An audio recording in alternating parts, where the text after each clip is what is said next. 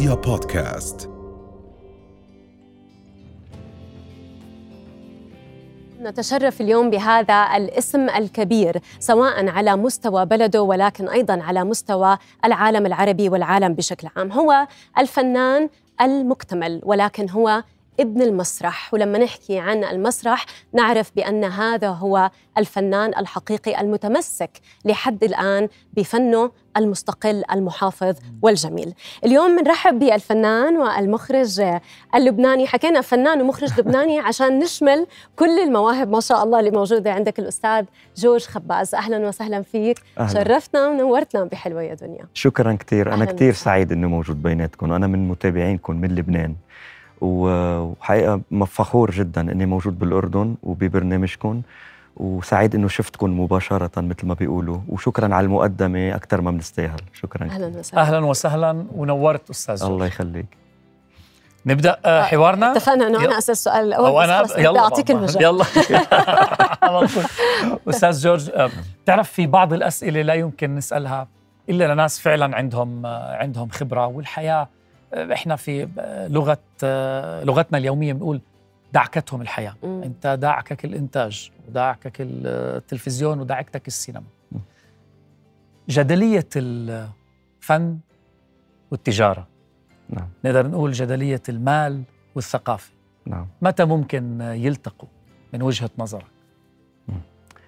لما بتكون عم تنقل وجع الناس وهموم الناس وجدليات الناس بلغه الناس. انت بتصير آه، بالمفهوم الشعبي. لما تصير المفهوم الشعبي تلقائيا انت بالأرقام رح تصوب التجاري. بس م. مش الهدف تجاري. الهدف إنك تكون مراية ناصعة لبيئتك ولمجتمعك وتنقل هذه الأحاسيس وهذه المشاعر وهذه الجدليات لمشهدية معينة وتحويلها لمرآة ناصعة. بيجي المشاهد بيشوف حاله من خلال هالعمل باللاوعي تبعه أو بالوعي بيختار شخصية بتشبهه عم تحكي مثله أو عم بتخ... عم تحكي عن قلقه بيضحك على حاله من خلالها أو بيبكي على حاله من خلالها وهيدي أهمية الفن المشهدي خاصة المسرحي لأنه المسرح مش بس هو منبر فكري وثقافي وفني هو منبر تواصلي يتواصل الإنسان من خلاله مع ذاته ويطرح آه، جدليات معينة من دون ما تكون أنت عم توجهه للمشاهد لوجهة نظرك، انت عليك انك تطرح الجدلية وتحترم له عقله لهو يختار وجهة النظر اللي هو بيحب يشوفها. صح. فأنا على طول بقول معلش اسمح لي استطرد لأن سؤالك غني كتير. آه، أنا بقول الفن المشهدي هو اثنين، واحد عم بيقول إيه، واحد عم بيقول لأ. إذا اثنين عم بيقولوا إيه صفى محاضرة. وإذا اثنين عم بيقولوا لأ صفى مظاهرة. إمتى بيصير فن مشهدي؟ لما بتطرح الجدلية أمام المشاهد وبتترك الخيار للمشاهد بالتفكير والتحليل لا آه، يتبنى وجهة نظر معينة. يا سلام. كثير حلو. بنشكرك طبعا على هذا التعليق. طيب تعرف إحنا الآن أمام هذا المصطلح المتداول. مش الآن بقول من قبل دائما كنا نسمع إنه الجمهور عايز كذا. كان في قوة شد عكسي تقول لا الجمهور حتى ولو مثلا في حالة للأسف بدي أقول عند البعض يعني في حالة انحطاط عام. بالذوق الفني العام اللي عم بيصير بسبب المشهد الفني الدرامي خلينا نقول التوجه التجاري البحت آه، للأعمال من دون ما يكون في هناك آه، نص فعلا يستحق أن يقدم للجمهور نعم. ولكن الآن أصبحنا إلى حد ما نشوف إنه الترند فعلا أصبحوا يمكن مواقع التواصل الاجتماعي هي اللي شدت إلى هذا المجال إنه الجمهور عايز كده وعم نشوف برضه فنانين عم بيتجهوا لهذا الموضوع م. أصبح الفنان لا يهتم لقيمة العمل بقدر م. ما يهتم إنه الجمهور الغالبية حابة هذا الشيء شو تعليقك على هذا الموضوع مثل كل مجال م. في شيء استهلاكي وفي شيء نوعي بكل بساطة الشيء الاستهلاكي هين وهو آه، متاح آه، للجميع. ولكن الزمن سيدتي كفيل إنه يغربل كل شيء وبيبقى الفن المضبوط اللي بيعلم فيكي واللي بيأثر آه، اللي بيأثر فيكي. شغلة الفنان الحقيقية خاصة بالفن المشهدي هو إنه يعزل أحاسيس الناس ومشاعرها ويحطها بقالب جديد. أعطيكي مثل أنت بتنزلي على شط بحر. كله بحص هذا البحص الحلو. إيه؟ فبتاخدي وحدة من أصل مليون بحص تغسليها تحطيها ببوكس إزاز وبتضوي عليها. فهي أنت فعليا عزلتيها وصارت كيان بحد ذاتها. هي موجودة بلا جميلتك لا جديد تحت الشمس. ولكن أنت كفنانة اخترتيها وعزلتيها وحط عملتي لها كيان. نحن بنعزل تفاصيل ومشاعر عند الناس وجدليات. أوقات الناس ما بتتجرأ تفكر فيها على العالي أو ما ما عندها وقت بهمومها اليومية إنها تعزلها وهي مهمة لحتى تخليها تحاور ذاتها. فنحن بنعزل هذا الشيء وبنحطه بكل بساطة بدون ما نغير كثير بمعالمه بكل بساطة وبنضوي عليه هيدا دورنا. نحن مش مصلحين اجتماعيين ولا نحن واعظين. نحن علينا إنه ننقل هذه الأحاسيس بأمانة على المسرح أو بالسينما أو بالتلفزيون. فأنت كل ما تكوني صادقة كل ما تكوني نوعية بشغلك ترجع لسؤالك. يعني كل ما تكوني سيلكتيف مثل ما بيقولوا. وكل ما تكوني بالك بالقشور وبالترند وبتكوني يعني حق أنا أنا برأيي الدنيا بتساعي الكل. وكل واحد حقه آه، يعني على أيام أيوة. السيده فيروز بعزها كان في كتير مطربات وأخذوا شهرة كبيرة. مرق الزمن بقيت فيروز ونسيناهم. صح. بالنهاية لا يصح إلا الصحيح. صحيح, صحيح. اليوم سبب حضورك آه، إلى العاصمة الأردنية عمان مهرجان عمان السينمائي. آه. بحب أسمع رأيك عن التنسيق نوعية المحتوى وبدون مجاملة. أوكي. تقول لك شغلة أول شيء أنا فخور. تقول لك ليش؟ علاقتي بالشعب الأردني علاقة جدا حميمة من خلال المسرح. ال comments اللي بتجيني على ال social media ودغري بيعرف على حاله أو على حالها أنا من الأردن وبيبلشوا بالحديث. وفي كتير كمان آه، رحلات كانت تيجي من الأردن على لبنان بال program تبعهم أنه يجوا يحضروا مسرح جورج خباز. وكانوا ينتظروني بعد العرض لحتى نسلم مع بعض ونتصور مع بعض. فكنت كان قلبي يكبر بهذا الشيء إنه قاطعين كل هذه المسافة ليحضروا آه، هالمسرح هذا أو هالعمل. فاليوم مثل ما بيقولوا عم رد لهم الزيارة وعم بتلاقى فيهم. وأول ما وصلت التقيت بكتير شباب وصبايا حافظين المسرحيات آه، آه، مثل ما بيقولوا من الجلده للجلده فأنا تأثرت مش بس افتخرت تأثرت بهذا الشيء. إنه الفن هو عابر للحدود وعابر مم. للقلوب إذا معمول بصدق وباحتراف. وهذا اللي بجرب أعمله أنا. آه، أوقات بنجح أوقات لأ بس هذا اللي بجرب أعمله كل الوقت إني أشتغل بصدق وباحتراف. ف فكيف إذا عم بلتقي بالشعب الأردني بعرس ثقافي مثل مهرجان عمان السينمائي حقيقة بالشكل وبالمضمون هالمهرجان رائع بالمضمون لأنه في اختيار للأفلام آه. آه نوعي نوعي جدا نعم. مفهوم. هيدي أول شغلة وأنا الأفلام ثلاث أرباعهم شايفهم بمهرجانات أخرى بعرفهم قديش مهمين وقديش مؤثرين شغلة تانية بالشكل في تنظيم رائع. يعني هو بدورته الثالثة ولكن بتحس حالك بالدورة رقم 30 نعم. قد ما التنظيم رائع. وهون بدي أشكر حقيقة القيمين على هالمهرجان. يعني هيئة الأفلام الملكية الأردنية بدي أشكر الست ندى الدوماني على إدارة هالمهرجان مع كل فريقها. يعني إذا بدي أعدد ما بخلص بخاف أنسى حدا. صحيح. كلهم فظيعين. من أول ما وصلنا على حتى قبل المطار يعني آه، التنسيق والتكت والطيران نعم. والأوتيل وإلى آخره والبرنامج حتى في ندوات آه، على هامش المهرجان طبعا آه، وهذا جدا مهم كمان مفيدة جدا نعم. بعدين بتحس إنه هالجيل الجديد الأردني شاب مهتم بشأن آه. المشهد السينمائي يعني بتحسه بتحس إنه في بوادر آه لجيل رح يصنع سينما. فعلا سينما نعم. ثابتة ومبنية على أرضية علمية ثقافية آه، آه، آه، وإنسانية. لأنه صاروا عم بفتشوا كان عندنا أزمة نصوص كانت السينما العربية سينما واعظة. يعني الكاتب بده يقول وجهة نظر. بحطها. بحطها وبيوعظنا فيها. أيوة. بالآخر الشرير بيموت والطيب بيربح. كل هودي الأخبار الكليشيات يلي كنا عايشين فيهم بالسينما العربية. هلأ لا السينما العربية صارت عم بتكون مباشرة عم تطرح جدليات مم. إنسانية جدليات. عم تحكي الواقع عم بتكون صريحة عم تكون جريئة. وحسيت هذا الشيء بالشباب الأردني إنه عبالهم يعبروا بشكل أو بآخر من خلال أرقى أنواع التعبير اللي هي السينما العابرة للقارات. يا سلام. شكرا لأجل هاي الشهادة. أستاذ جورج شوف أنا بنتي عمرها سنة. كل مرة بسمع أغنية كبرت البنوت بخاف من هذا اليوم اللي بده يجي فيها العريس مدري من وين لحتى ياخذ بس أنا بحب إني أسمعها لكن فعلا كل مرة بسمعها بتأثر فيها. تذكرها معي. ممكن من بعد إذنك نسمع منك هاي الأغنية ولو دندنة بسيطة. ناخذ ال hand أكيد. مايك لو سمحت. آه أكيد بنسمعها بدي أشكر الفرقه الموسيقية الرائعة. يا سلام. وقديش كانوا مبسوطين لما عرفوا إنك ضيفنا. بدون مجاملة صدقا. كبرت البنوت كبرت البنوت كبرت ست الكل. صار بدها تتجوز تتركني وتفل. كبرت البنوت كبرت ست الكل. صار بدها تتجوز تتركني وتفل ربيت بدموع العينين ربيت بالنقد وبالدين. بيجي واحد مدري منين بياخدها وبيفل. كبرت كبرت البنوت كبرت ست الكل. صار بدها تتجوز تتركني وتفل. ربيت بدموع العينين ربيت بالنقد وبالدين. بيجي واحد مدري منين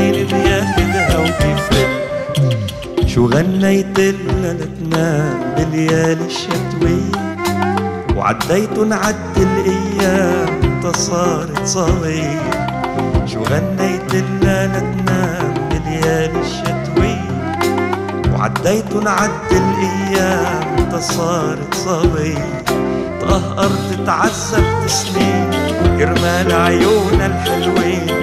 لما صارت بالعشرين عريس طل تياخدها ويفل كبرت كبرت البنوت كبرت ست الكل. صار بدها تتجوز تتركني وتفل. ربيت بدموع العينين ربيت بالنقد وبالدين. بيجي واحد مدري شكرا شكرا. يا عيني يا عيني يا عيني. هاي الأغنية إمتى طلعتها زمان كتير ولا خبرك هلا خبري قولي فترة الجامعة. اضطريت أشتغل كتير قصص. أنا من الطبقة الوسطى. نعم. وما دون في أكثر الأحيان ما دون يعني الحمد لله أسسنا حالنا بحالنا. ما شاء الله. فاشتغلت فترة الجامعة كتير قصص. من القصص اللي اشتغلتها تصوير الأعراس. مم. كنت ساعد م- مساعد مصور. وبعدين صرت صور آه، تصوير فوتوغرافي. صرت راقب كل هذه الأعراس صورت مئات الأعراس. صرت راقب الأهل بكافة مستوياتهم الفكرية والاجتماعية والثقافية آه، كلهم عندهم نفس الغصة الدمعة بعينهم والبسمة. على تمهم. دمعة بعينهم لأنه البسمة على تمهم لأنهم فرحانين ببنتهم بزواج بنتهم. الدمعة بعينه لأنه خيفانين من المجهول. بشكل أو بآخر. هذه الفتاة أو هذه السيدة رايحة على سقف تاني على مطرح مجهول ففي خوف في قلق. أه ولاحظت أنه قاسم مشترك عند كل الناس. عند كل بي أو عند كل أم. فأثرت أثر في هالموضوع. وبتعرفي واحد لما بيبقى حساس بيتبنى آه، القصص. فطلعت معي هالغنية. كتبتها وضبيتها. لحد ما اجت مسرحية كذاب كبير. سنة 2006 ولقيت إنه في إلها مطرح بالمسرحية. لم تحكي عن الرجل عم بيزوج بنته وانحطت بالمسرحية والحمد لله أخذت هذا الرواج عيني. الكبير. يا عيني عليك. رح ندخل فورا حضرتك يمكن بتميل أكثر أو أكيد بتميل أكثر للمسرح وللسينما. مؤخرا صار في عندك بعض الأعمال آه، الدرامية بسبب يعني خلينا نقول تقاعس اللي حصل بالمسرح سواء بسبب جائحة كورونا أو بسبب الظروف الاقتصادية بشكل عام. لكن أنا هون حابة نركز على موضوع السينما اللبنانية ووصولها إلى العالمية. وبالتحديد بنحب نشير إلى فيلم كفر نحوم للمخرجة نادين لبكي. وأنت كان في لك مشاركة في كتابة هذا العمل. نعم. هذا الفيلم آه، حقيقة فيلم صادق. يعني أنا بعرف نادين كيف بتفكر وكيف. تحمل هموم وقضايا الناس خاصة قضايا هذا الطبقة المعدمة آه، يعني عندها فقر كتير كبير. وحبت توصل آه، صوتهم بشكل أو بآخر من هالفيلم. أنا كنت مشارك بالكتابة طبعا الرؤية لإلها ولكن نحن كنا ورشة كتابة وهذه لأول مرة أنا بعملها لأنه أنا بكتب لوحدي يعني إجمالا وما كتير بآمن بمجموعة الكتاب. يعني هذه بدها لوحدها فورماسيون بدها إعداد لوحدها واحد يقدر ينجح فيها. ولكن هالتجربة كانت مميزة جدا وبعتقد نجحنا فيها لأنه الفيلم قدر يوصل للأوسكار وقدر ياخد جايزة بكان. لأنه حقيقة بيحكي عن هوية ما حقيقية جزء من الهوية اللبنانية بشكل أو بآخر. أنا على طول بقول إنه نحن الغرب مش ناطر إنه ندوب فيه أو نقلده لنقدر نوصل للعالمية. نجيب محفوظ الكاتب المصري الكبير أخذ جائزة نوبل للأداب وهي جائزة عالمية ولكن كل كتاباته عن الحارة المصرية صحيح. وعن الهوية المصرية. فبعتقد أنه فيلم كفرنحوم وكل فيلم لبناني وصل للعالمية كان صادق وكان عم يطرح هويته آه، بشكل صح. آه، حقيقي. آه، فهذا سبب نجاح الفيلم. حلو. كان ومن المفروض إنه الفنون بتنوعها بتوجه السياسة وبتوجه الحال العام وبتأثر في المجتمع بالطريقة اللي الناس بيريدوها. اليوم آه الفن عم بيعمل شو بدها السلطة الثقافة عم تعمل شو بدها السياسة لربما. قلت لي كان كل عمره هيك. بس كل عمره هناك شاعر البلاط وهناك شاعر. الحر. هيدي هيدي وين هيك رأيك. هيدي وين ما كان وين ما كان آه، آه، موجود. بس في مجتمعات أنا بدي متقدمة اليوم آه، السلطة والسياسة تقف على طرف وتتابع الفن والثقافة وتدعم شو بده وتدعم. تدعم 100% بس هو السؤال متى ممكن في مجتمعاتنا نوصل لهي الحالة أنا بقول لك أي أنا بقول لك لما بنفرض على المناهج التربوية المواد الفنية بالمدارس وبتكون علاماتها توازي مواد العلمية. لأنه في مقولة أنا بتبناها على طول بتقول علم الولد يرسم العصفور ببطل يقوصوا عن كبر. فكيف بالحارة إذا عم تعلموا فن وأدب وشعر وموسيقى ورقص وتمثيل؟ يعني عم تعلموا يرسم النفس البشرية. يعني عم تعلموا يحب حاله بالمعنى الإيجابي ويعكس هالحب على غيره. وهذا فيما بعد رح بيصير هو بالسلطة. ورح يقدر أو رح بيكون فنان. ورح بيقدر دور الفن بارتقاء النفوس وتاثيرها على الشعوب وعلى تطور الشعوب. فنحن بعالمنا العربي كان الفن مش من أولوياتنا للأسف لفترة طويلة بتاريخنا. يعني نحن الفن عندنا بالعالم العربي بلش تقريبا من 100 150 سنة ماكسيموم بنعتبره الان كماليات قاطعين بحروب وبمجاعات وباحتلالات وإلى آخره. آه، بلش يتبلور آه، عندنا فن وفن حلو. طبعا بمصر في فن عمره آه، عمره كثير بلبنان كذلك الأمر بالأردن. يعني بعده نحن عندنا الفن حديث رغم آه، آه، إذا بدك قدمه بس آه، مقارنة بالفن الأوروبي. الفن الأوروبي عمره عمره كثير ومش بس عمره كثير كل السلطات التي إجت امتهنت الفن.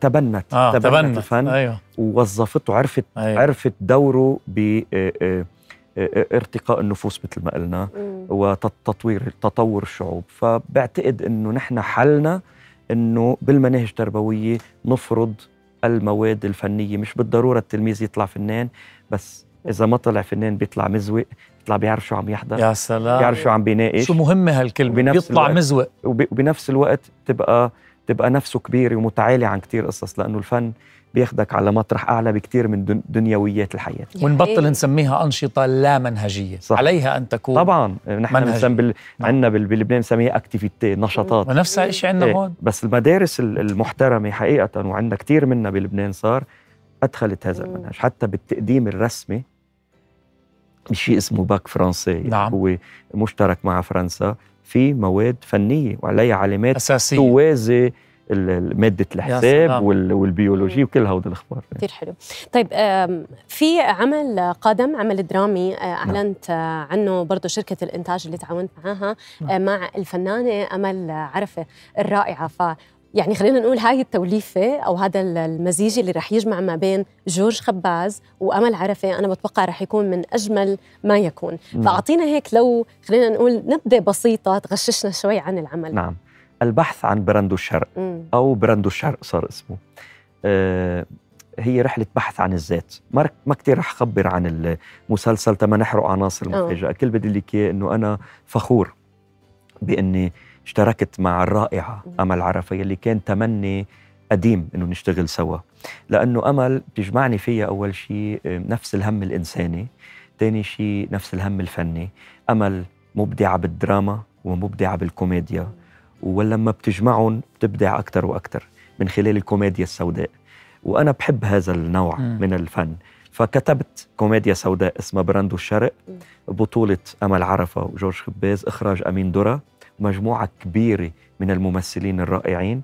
إنتاج شركة الصباح شركة اللي بنفتخر فيها كتير وهي لمنصة شاهد. نعم. آه رح ينعرض من هلأ لشهرين ثلاثة إن الله راد على منصة شاهد من عشر حلقات وأنا كتير سعيد. أنا بحب السيريات الصغيرة لأنه ما فيها شرغي لأنه للأسف أوقات بتبقى القصة بتحمل خمس حلقات أو عشر حلقات بيعملوها 30 بس تكرار. تيعبوا ال- الموسم الرمضاني. مفهوم. فبتصير في مط وعجن ورغي وإلى آخره. عشر حلقات آه، مثل ما بيقولوا زبدة الزبدة تبع هالقصة هالحبكة هالمشاعر الإنسانية هالشخصيات وتناقضاتها وإلى آخره. ما رح خبر كثير بعرف إنه أنا آه، متفائل خير كثير بهالمسلسل لأنه بعتقد إنه حيكون نقلة نوعية مش بس بالكوميديا العربية بالدراما العربية كمان. إن شاء الله إن شاء الله. كل التوفيق. عندنا أربع دقائق بدنا ناخذ دقيقة لهالسؤال ونخلي الثلاثة الحلوين.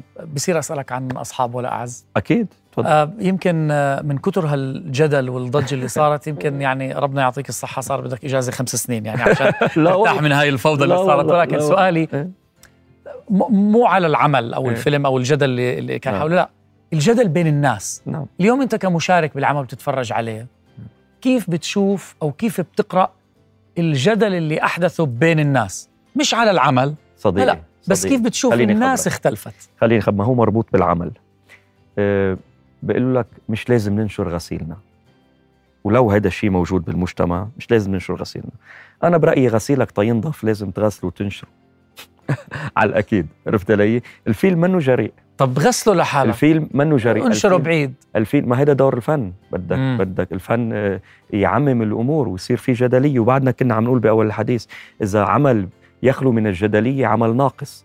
فجدلية أصحاب ولا أعز هي سبب نجاحه. والجدلية اللي يعني ال- ال- هال- هالنقاش اللي صار بين الناس خلى الناس تشوفه وتحضره. البعض بخاف من إنه يواجه نفسه فبيهرب. يا على السكوت يا على مهاجمة. هذه المصدر يعني أيوة. بيقول موليير أكثر من ضحك على شخصية البخيل بمسرحية البخيل هو البخيل بحد ذاته. لأنه رمي العلة اللي فيه على الشخصية اللي عم بيشوفها. فنحن للأسف بمجتمعاتنا عنا ازدواجية. ومنخاف نواجه آه، أخطائنا. الفيلم منه جريء أبدا الفيلم صريح. وأنا آه، فخور أني اشتغلت آه، بهالفيلم لأنه بيطرح آه، المشاكل يلي هي common يلي هي مشتركة. بيننا وبين كل العالم الفيلم هذا adaptation من فيلم إيطالي ومعمول 18 نسخة وهذه النسخة صحيح. 19 صحيح. كل العالم العربي حضروا آه، بالنسخات الأجنبية ولكن ما تقبلوا بال آه، البعض ما تقبلوا. في كتير تقبلوه وحبوه. كتير كتير. يعني الفيلم ضل number 1 على شهرين على نتفليكس بالعالم العربي number 2 بأوروبا. يعني حتى أجانب حضروه وحبوه. أنا بحكي بنسخة بصراحه كمان. من وراء هالفيلم إجاني كتير عروضات لسينما أجنبية. وهلأ في عرض يعني عم عم نمضي إذا بدك. يعني صار جاد. يلا آه، مبروك الله. بألمانيا. ما في أحكي عنه أكثر من هيك. مفهوم. وفي عرض تاني بفرنسا كمان بعدنا عم نحكي فيه. فالفيلم عمل آه، لازم يعمله أنا بقول إنه الفيلم منه جريء الفيلم صريح. نحن عنا ازدواجية بنتخبى ورا أصبعنا بنخاف نواجه حالنا وبالنتيجه هيدي نماذج عم تنطرح. الفيلم ما بيبشر بشيء وبيدافع عن حاله فما في داعي أنا أقعد أعمل هلأ تحليل ودافع عنه. كل اللي بقدر أقوله إنه آه، كان نقلة نوعية كمان بالصراحة وبعتقد رح يمهد لسينما صريحة أكثر مباشرة أكثر بالمعنى الإيجابي للكلمة وبتطرح آه، مواضيعنا الشائكة اللي نحن ما بنتجرأ نوقف قدام المراية ونقول هيدي إيجابياتنا بنثبتها وهيدي سلبياتنا آه، بنحسن فيها. فبعتقد آه، آه، لعب دور كتير مهم بحث السينمائيين يلي ما عندهم الجرأة أو الصراحة الكافية إنه يروحوا أبعد. نعم طيب آه، إحنا أتوقع راحت الدقيقة وزادت كمان عن عن الدقيقة بس جدا إحنا مستمتعين معنا دقيقتين بدي أسألك سؤال من بعد إذنك أنا قرأته ممكن أنت تحتفظ بتقول ما بدي أعلق تفضل. عليه أو ممكن إنك تكون يعني خلينا نقول صريح وتحكي عن تجربتك بدي أحكي عن فترة من فترات حياتك بالطفولة تعرضت للتنمر آه، هل هذا الأمر صحيح لا تقلك شو مش آه. للتألم ما نحن كنا كلنا نتنمر على كله يتنمر. على كله مم. نفكرها هضامه نفكرها تسلية. مم. أنا كنت قصير القامه وما زلت. فكنت كنت أنعت بهذا الشيء يعني عرفتي آه، إنه إيه مش قصة تنمر. وأنا كمان كنت أتنمر مم. على غيري من المختلفين لحد ما كبرت ونضجت وفهمت إنه آه، آه، في عنا نظرة متخلفة للمختلف. نحن ما بنتقبل بعضنا. وهذا الشيء عم بيسبب لنا مشاكل وفي بعض الأحيان حروب وفي بعض الأحيان دم. هيدي آفتنا في العالم العربي. عدم تقبلنا لبعضنا البعض. عدم تقبلنا لإختلافاتنا. وأنا بالنسبة لي الاختلاف هو غنى. كتير طبعاً. كبير. تنوع. ناخد من بعضنا من سد حاجات بعضنا فيلم غدي يلي أنا عملته موجود على صح. نتفليكس. بيحكي عن الاختلاف وإنه كلنا عنا حاجات خاصة بشكل أو بآخر انطلقت من قصة هالولد اللي عنده حاجة مم. جسدية مم. ولكن كل الحي بشكل أو بآخر عنده حاجة خاصة حاجة نفسية حاجة عائلية حاجة روحية حاجة اجتماعية حاجة فكرية. ونية اللي حاجته. مبينة فكلنا عنا حاجات خاصه أنا بس حبيت إنه نسلط الضوء على هذا الموضوع عن قضية التنمر لأنه عم بشوفها بكثرة ولما نحكي أستاذ جورج خباز شاركت بوحدة من اللقاءات الصحفية حبيت إني أسمع وجهة نظرك بهذا الموضوع لأنه خصوصا هلأ مع مواقع التواصل الاجتماعي قديش موضوع التنمر. عم بيزيد على سواء شخصيات معروفة أو غير معروفة كله بيرجع للتربية سيدتي صح. وبرجع. لنقطة إنه إذا بنحط الفن بالمناهج تتغير كل هذه الذهنية. شكرا شكرا. وقتنا انتهى. يمكن نطلب فقط دقيقة واحدة بهاي الدقيقة كلمة إلك لجمهورك وبعد هاي الكلمة رح نختم بدندنة بسيطة. نعم. وبعدين نسلم أول شيء أنا سعيد كثير إني بالأردن. تحية لهالشعب ولهالبلد حجرا وبشرا. حقيقة استقبال رائع جدا.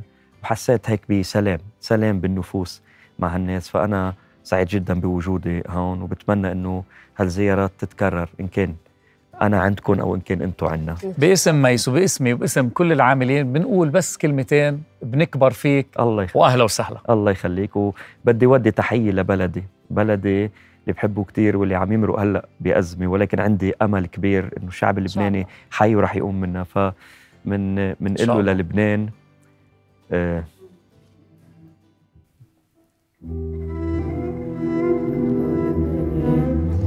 تتلوج الدنيا بتشمس الدنيا. يا لبنان بحبك لا تخلص الدنيا. تتلوج الدنيا بتشمس الدنيا. يا لبنان بحبك لا تخلص الدنيا. بخبيك بعيني وبقلك غني تلجك المحبة وشمسك الحرية.